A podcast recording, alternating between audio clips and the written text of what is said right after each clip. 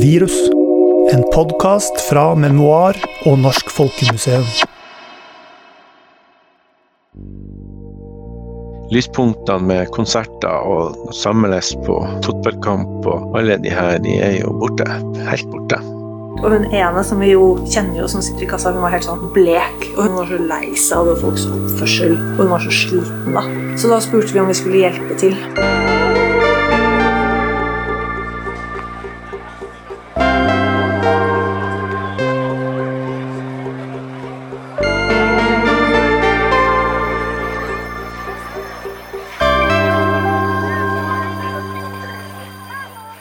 Er det én ting som er sikkert, så er det at denne pandemien har stjålet fra oss. Den har skapt tomrom i livene våre. De tomrommene kan være sosiale, økonomiske eller visuelle, sånn som når butikkhyllene ble tomme eller gatene ble lagt øde. I denne episoden skal du få møte noen av de som har opplevd nettopp det å få nye tomrom i livene sine. Tomrom som ikke alltid kan fylles igjen. Mitt navn er Katrine Hasselberg, og sammen med Audun Kjus har vi laget podkasten du hører på nå, nemlig Virus. Du Katrine, når vi har gjort intervjuer, så har vi jo bl.a. spurt folk om hvilke bilder de har med seg i hodet fra koronatiden. Ja, og da er det mange som tenker på de skremmende bildene fra Italia og bildene fra regjeringens pressekonferanser. Men ellers er det gjerne forskjellige slags tomrom som folk snakker om.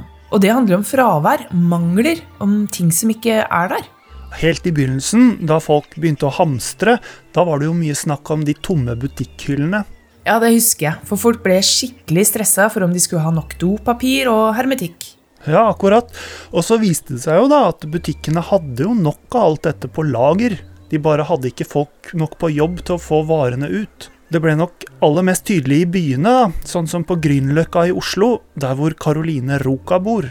Ja, det kom jo litt som et sjokk på de butikkansatte også, det at folk plutselig skulle ha så mange varer. Men hva var det Caroline fortalte deg om det? Jo, Caroline hun jobber som fotograf, og hun kjenner flere som jobber i butikk. Hun fortalte at da varene ble revet bort fra hyllene, da dro hun til butikken sammen med barna sine, nettopp for å se på de tomme butikkhyllene.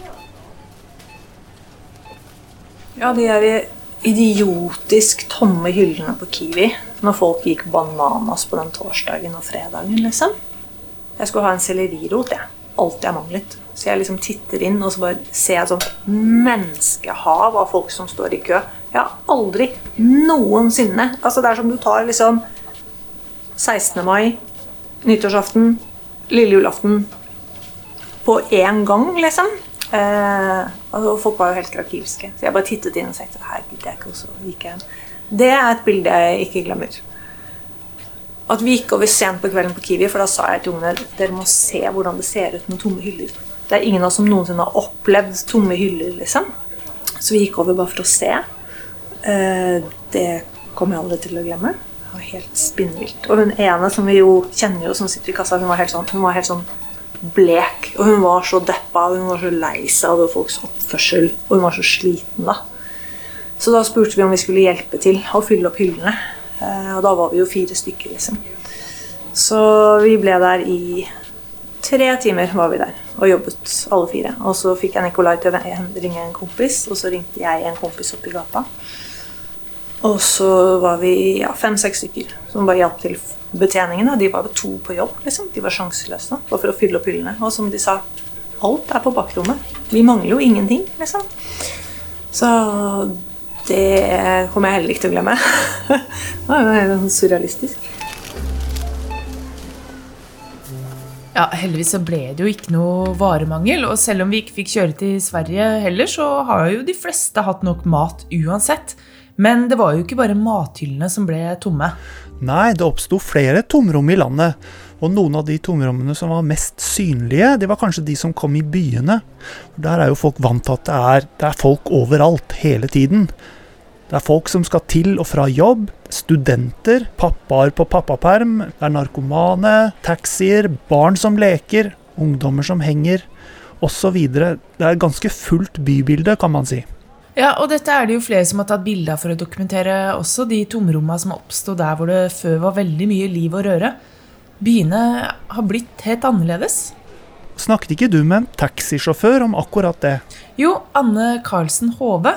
Hun fortalte meg at etter 12. mars i fjor så merka hun at flere og flere ting begynte å forsvinne for henne. Ikke bare i bybildet, men også av oppdrag. Til slutt så satt hun igjen med ett fast oppdrag, og resten av tiden kjørte hun rundt på ting. Det var kjempestille i, i gatene. Det var nesten ikke folk på trikken og busser. Det var veldig lite folk overalt. Eh, det var eh, sånn som Oslo S var det jo ikke drosje på omtrent i det hele tatt. Eh, fordi at det var ikke turer til Oslo S. Eller til og fra. Altså det, folk var jo ikke på farten. Det var ikke turer til Gardermoen, f.eks., så det var nesten ikke biler på Gardermoen heller. Og, og, og det var, altså, alle gikk jo med, med stor avstand, rett og slett. Altså, det, folk gikk i buer rundt hverandre når, når man møttes på gata. Eh, så her, de her tomme gatene, det var veldig rart å se. Det at det var Og stengte butikker og Ja. Det var veldig rart å se, rett og slett. Det, så tomt som det ble rundt omkring. Hun Karoline, hun som fortalte om de tomme butikkhyllene i stad, hun snakket også om det med de tomme gatene. For i den første nedstengingen, mens hun og mannen var hjemme sammen, da gikk de morgentur hver dag opp på en liten høyde ved Carl Berners plass i Oslo, som heter Ola Narr. Og der oppdaget hun faktisk et nytt tomrom også, oppe i himmelen. Jeg og mannen min vi gikk jo morgentur hver morgen. Da gikk vi opp på Ola Narr. Og så var det å sitte på toppen på Ola Narr hver morgen på vei opp så møtte vi jo ingen. Nå møter vi jo folk. Nå er jo folk på vei til og fra jobb, og det var ingen busser. Det var ingen biler. Og så sitte og høre på en helt stille by, det var veldig, veldig, veldig spesielt. Solen skinte, det var nydelig.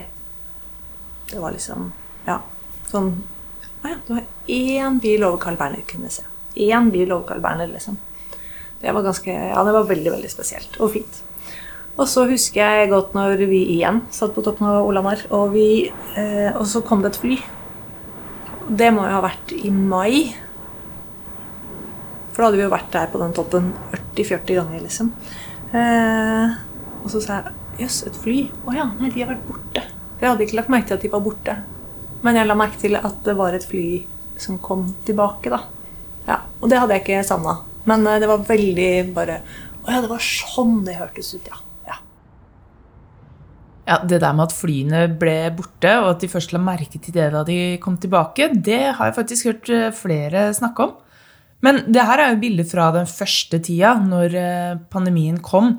Da var det jo mange flere ting som overraska oss enn nå. For nå har jo ting blitt litt mer normalisert. Alle disse tomrommene har blitt helt normale.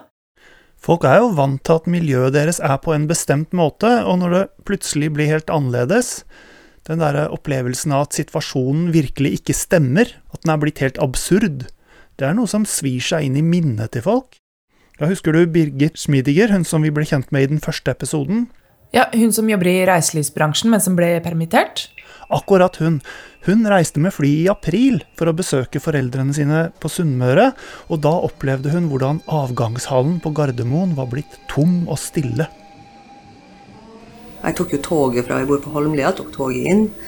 Jeg tror det var ett annet menneske i vogna langt der borte. Um, og samme på toget til, til Gardermoen. Da var det veldig få folk. Kom opp i den svære avgangshallen. Det var jo ingen. Eller, det var noen få. Det var vel ei sånn sikkerhetssluse som var åpen. svære Gardermoen. Og så husker jeg jeg tok jo bilde av den avgangstavla. Det var jo så mange avganger. Dette var jo på ettermiddagen, så det var vel fem-seks avganger igjen den dagen. Det var jo bare Norge, eller kanskje det var noe, jeg husker ikke mange København eller et eller annet. ja, det var rart, altså. Kjemperart. Men den tomheten som folk forteller om eh, her, en ting er jo at den er rar. Men eh, hva betyr den egentlig for folk? Birgit hun beskriver det jo som en slags endetidsstemning. Det er en kald vind som blåser gjennom folketomme gater.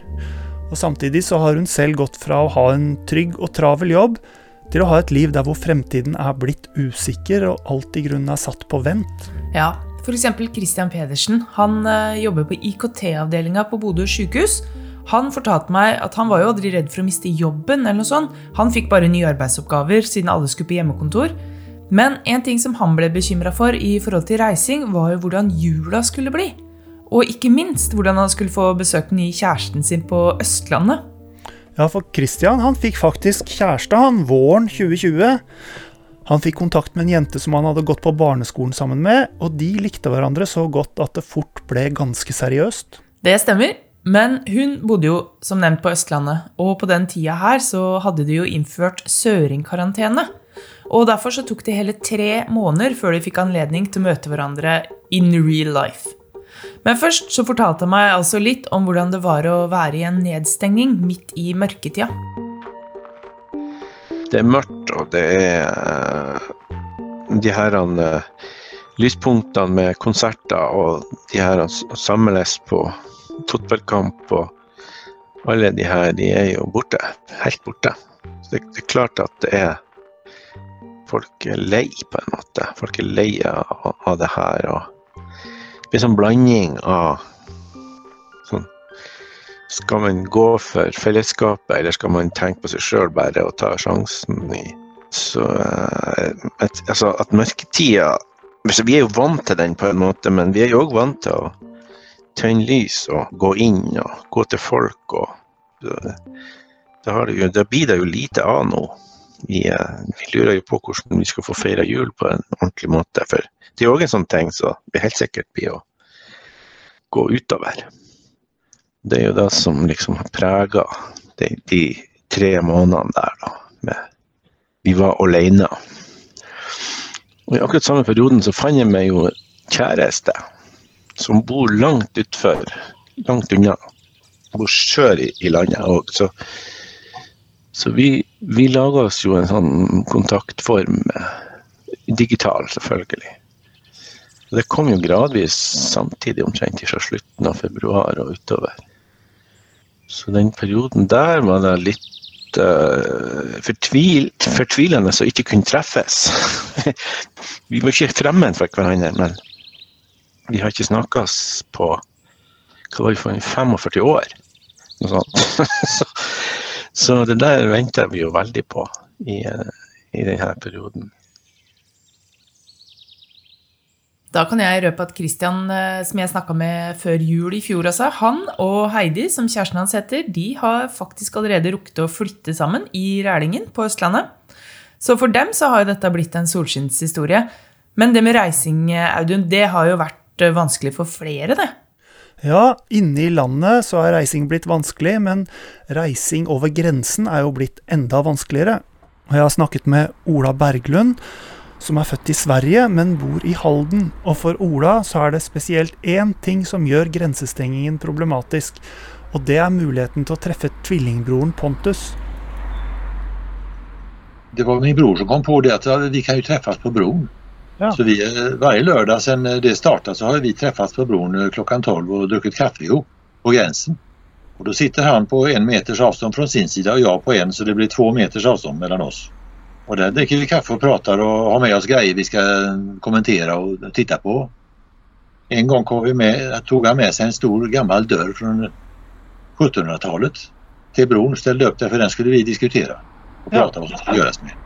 Ja, for dere samarbeider jo ellers om sånn håndverk, da. Og ja visst. Hvordan man skal løse Ja visst. Man skal kunne, når det gjelder antikviteter, hvordan man kan jobbe med dem uten å forstørre deres verdi. Ja. Anpasse dem. Så eh, nå til lørdag så kommer dere til å møtes på broen? Ja, det kan vi gjøre. Men en rolig detalj er at det kommer så mye folk eh, på broen som, skal, som treffes på det settet. Besteforeldre på den ene siden, og så kommer barna med sine barnebarn på den andre siden. Så møtes de på broen og treffes. Og så går de, og så, nå i jula så bytter de julegaver, og så gikk hver en til sitt. Og det var ganske mange, faktisk. Det, ibland så kunne vi ikke selv få plass, for det var fullt på broen. Vi fikk sitte 50 meter ifrån varandra och ringa till varandra istället på bron. For det var fullt på bron? Ja, det var fullt. Men det var i jula? Det var i jula, ja. ja. En vanlig helg, da? Er det mange Ja, det kan hende at det, det kan være opptaket da også. Da står vi og venter en stund, og så lämnar de. Och då kan vi, för det er ikke så stor fortaut är ikke så stort. Så det får nesten bare plass en, ett et gjeng åt gangen. Man får vente på sin tur, helt enkelt. Ja, det, det, høres jo nesten helt absurd ut. Ehm, men det bildet av han og broren Pontus som sitter med hver sin klappstol og termos to meter fra hverandre på hver sin side av en usynlig grense, det er et uh, tydelig bilde på den pandemien her òg. Ja, og det er jo en side av pandemien det her som det er vanskelig å planlegge for. For det er jo ganske mange i Norge som har familie eller kjæreste i et annet land. Det er ikke alltid man kan møtes på grensen, da. Det er jo mange i Norge som har familie på andre siden av verden. Om det er USA eller Thailand eller Somalia. Men det har ikke vært bare bare å, å få møtes oppå den broen heller. For Ola han fortalte at han er bekymret etter at han er blitt vist bort av politiet til sammen tre ganger. Og uten noen god forklaring på hvorfor. Så nå har han skrevet til politiet øst for å få det svart på hvitt om han har rett til å gå på den broen. Det har jo ikke vært helt lett å få dette til med grensen. for at Flere ganger har vi blitt tilsagt av polisen at nei, ni får ikke lov å gå dit. Ni får ikke gå opp på broen. Oh, det har jeg tykt var veldig merkelig, for jeg har jo bodd i Norge i 40 år. og Da har de avstengt meg fra en del av eh, norsk territorium uten videre. Og det, jeg, det reagerer jeg på. Men eh, det er tre ganger det har hendt. Men alle de andre gangene har det gått alldeles utmerket.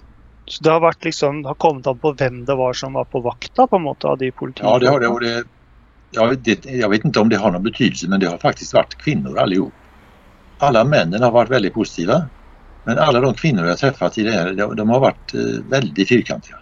Og det var litt spesielt? Ja, det får jeg si. Det var, var merkelig. Jeg har skrevet til uh, politiet øst og bedt dem forklare hvilke rettigheter jeg har i samband med dette.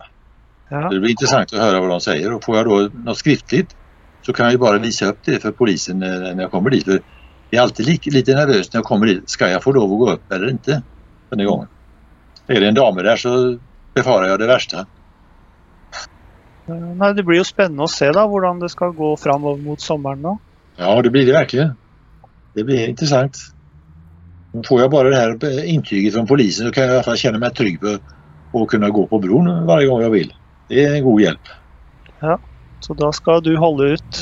Da holder vi ut. Vi har bestemt at vi skal fortsette. Ja. ja. Vi tenkte nog det at det kommer være en god stund. Men kanskje det løser seg til sommeren, tenkte vi. Ja. Men vi får se. Eller, det, den, den, sommeren som gikk, så var det jo ikke mulig å treffes så ofte. Men vi treffes jo på, på broen, men vi satte vår lit til at nå går det sikkert bra neste sommer. Men vi er ikke sikre på det heller. Ja faktisk. Noe av det denne historien viser oss, er jo nettopp den kreativiteten som folk utviser når de har lyst til å få til noe. Det gir liksom et håp da, om at hvis man bare holder ut, så kommer hullene og fraværet som pandemien har skapt, til å bli reparert. Det er jo ganske mange hull og fravær vi har hørt om i disse intervjuene. Det er fravær av speideren eller fotballklubben. Er den daglige omgangen med arbeidskollegene. Eller ja, når man begynner å tenke etter, så er det jo i grunnen ganske mye i samfunnet som er ganske hullete akkurat nå. Ja, der fikk jeg meg en oppvekker i et annet intervju jeg gjorde. For jeg snakka med Petter Noddeland, som er generalsekretær i Norges Døveforbund. Og de døve, og helt sikkert andre grupper i samfunnet også, de har jo en litt annen opplevelse av denne pandemien. Rett og slett fordi de ikke er hørende, da. Fordi for de døve, barna, voksne, eldre, så har jo munnbindene blitt et slags tomrom midt i ansiktene på folk. For der de før kunne lese på lepper, så har jo nå munnene forsvunnet helt. Ja, og I begynnelsen, da vi begynte å bruke disse munnbindene, da var det jo ingen som hadde gitt informasjon til alle de barna om at taxisjåførene nå kom til å ha munnbind. Og da var det faktisk ganske mange døve barn som ble både redde og urolige av det. Ja, men ikke bare det.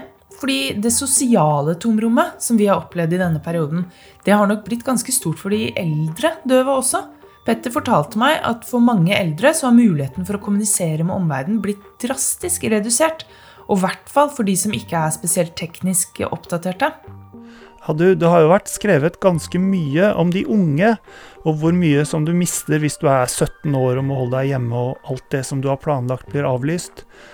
Men det kan neimen ikke ha vært så enkelt for de gamle heller. Og Det ble tydelig da jeg snakket med Kari Hop Skiftesvik fra Bergen. Hun er 82 år, og hun hadde et veldig innholdsrikt pensjonistliv da alt plutselig stoppet opp. Jeg, jeg er pensjonist, en, en aktiv pensjonist. Eh, og det hadde vært eh, fra altså januar, februar og inntil eh, 12. mars, så hadde jeg vært, vært usedvanlig aktiv.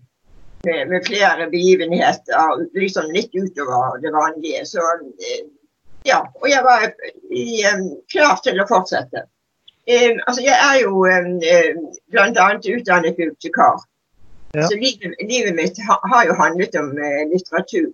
Så jeg har eh, flere litteraturgrupper som jeg har eh, etablert. Eh, så, har, så um, har, jeg tatt opp igjen fransk. Og jeg er inne i et bokprosjekt eh, sammen med noen historikere. Og denne gangen handler det om Bergen, eh, om Bergen Kvinnesaksforening historie. Og så har jeg da i høy alder begynt å uh, spille bridge. Fordi at jeg leste at hvis man skulle holde seg eh, oppegående åndelig, eh, mentalt, så skulle man helst begynne med noe som man ikke hadde gjort før, og som var vanskelig. Og det skulle være så vanskelig at, man, at det skulle gjøre vondt. Så jeg begynte å spille bridge. Men resultatet var at det gjør Det er min mann som hadde vondt ikke jeg. Fordi at min mann er en meget god bridgespiller, og har meg da som makker, det er da en påkjenning for ham.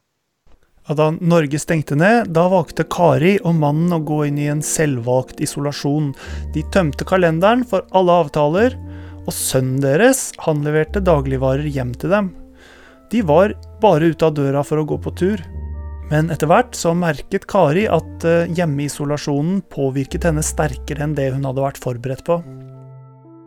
Jo, eh, det første som da skjedde de, de, eh, ja, de første dagene, det var jo da faktisk å uh, avvikle alle sammen.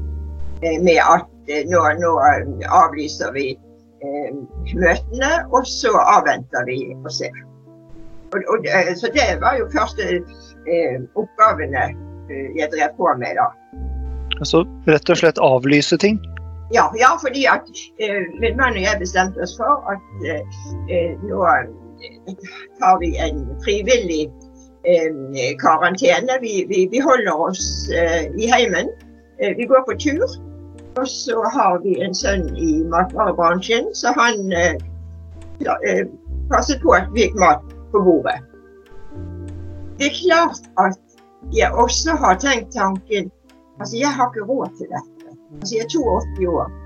Og nå går det altså eh, et halvt år som jeg ikke kan styre, som jeg da eh, og, og, kanskje går det lengre tid. Og, og, jeg har altså så knapp tid igjen. Eh, eh jeg har gjort meg noen tanker om det. Men, men eh, eh, på den annen side, når man man har altså kommet seg gjennom dette foreløpig uten å bli syk, det, det, det er jo det, det er jo uh, veldig viktig. Vi er nok mange som føler nå at vi egentlig ikke har tid til dette her, sånn, men vi har jo ikke så veldig mye valg. Hvis du er over 80 og i god form, da, da skjønner jeg jo godt at du tenker at du har lite tid å kaste bort. Ja, men den her tiden den er vel i grunnen også blitt ganske rar og hullete under pandemien. Hva gjorde folk egentlig da kalenderne deres ble tømt, og mange av disse rutinene som de har vært vant til i hverdagen, ikke var der lenger? Jo, det er mye forskjellig, faktisk, og det skal vi få høre om i neste episode, når vi skal snakke med folk om de ulike koronaprosjektene deres. For folk har som vanlig vært kreative. Noen har begynt å skrive bøker, andre har begynt å løpe, og omtrent hele Norge fikk jo endelig rydda i boden sin i begynnelsen av pandemien i fjor. Men Idet mange fikk rydda bort gamle ting, så tenkte de kanskje ikke over at de som jobber på gjenbruksstasjoner og lignende, de som må ta imot alle disse tingene midt i en pandemi, de sto nå plutselig i en situasjon hvor de møtte både mange flere folk og måtte håndtere mange flere ting enn vanlig. Jeg håper du hører på i neste episode, for da får du møte en av de som kanskje tok imot tinga dine, nemlig Ronny Lundell. Da jeg snakka med han, var han rimelig sjokkert over trykket på arbeidsplassen hans. For da vi egentlig skulle møte så få som mulig, så sto folk i flere timelange køer utenfor arbeidsplassen hans. For det første så er det hensynsløst å gjøre det, tenker vi. Men de fleste kundene oppførte seg også og holdt avstand til oss og avstand til andre folk. Men, mens det igjen var de som på en måte omtrent kom opp i ansiktet på oss for å kjefte for at køen var lang. De skjønte ikke hvorfor vi ikke kunne slippe inn alt med en gang. Hjertelig takk for at du hørte på denne episoden av Virus. Vi håper at du vil anbefale den til en venn eller to, så også de kan høre hvordan denne tida her har arta seg for folk flest. Og husk at hvis du vil høre mer fra intervjuene, så kan du gå inn på minner.no, hvor vi har samla alle intervjuene som er brukt i hver episode på sin egen side. Og hvis du vil dele din egen historie, så er det bare å ta kontakt på samme sted. Musikken du har hørt gjennom hele episoden, er spesialkomponert av Therese Aune. Og hvis du vil høre mer av henne, kan du finne henne både på Spotify og andre strømmetjenester, eller på thereseaune.com.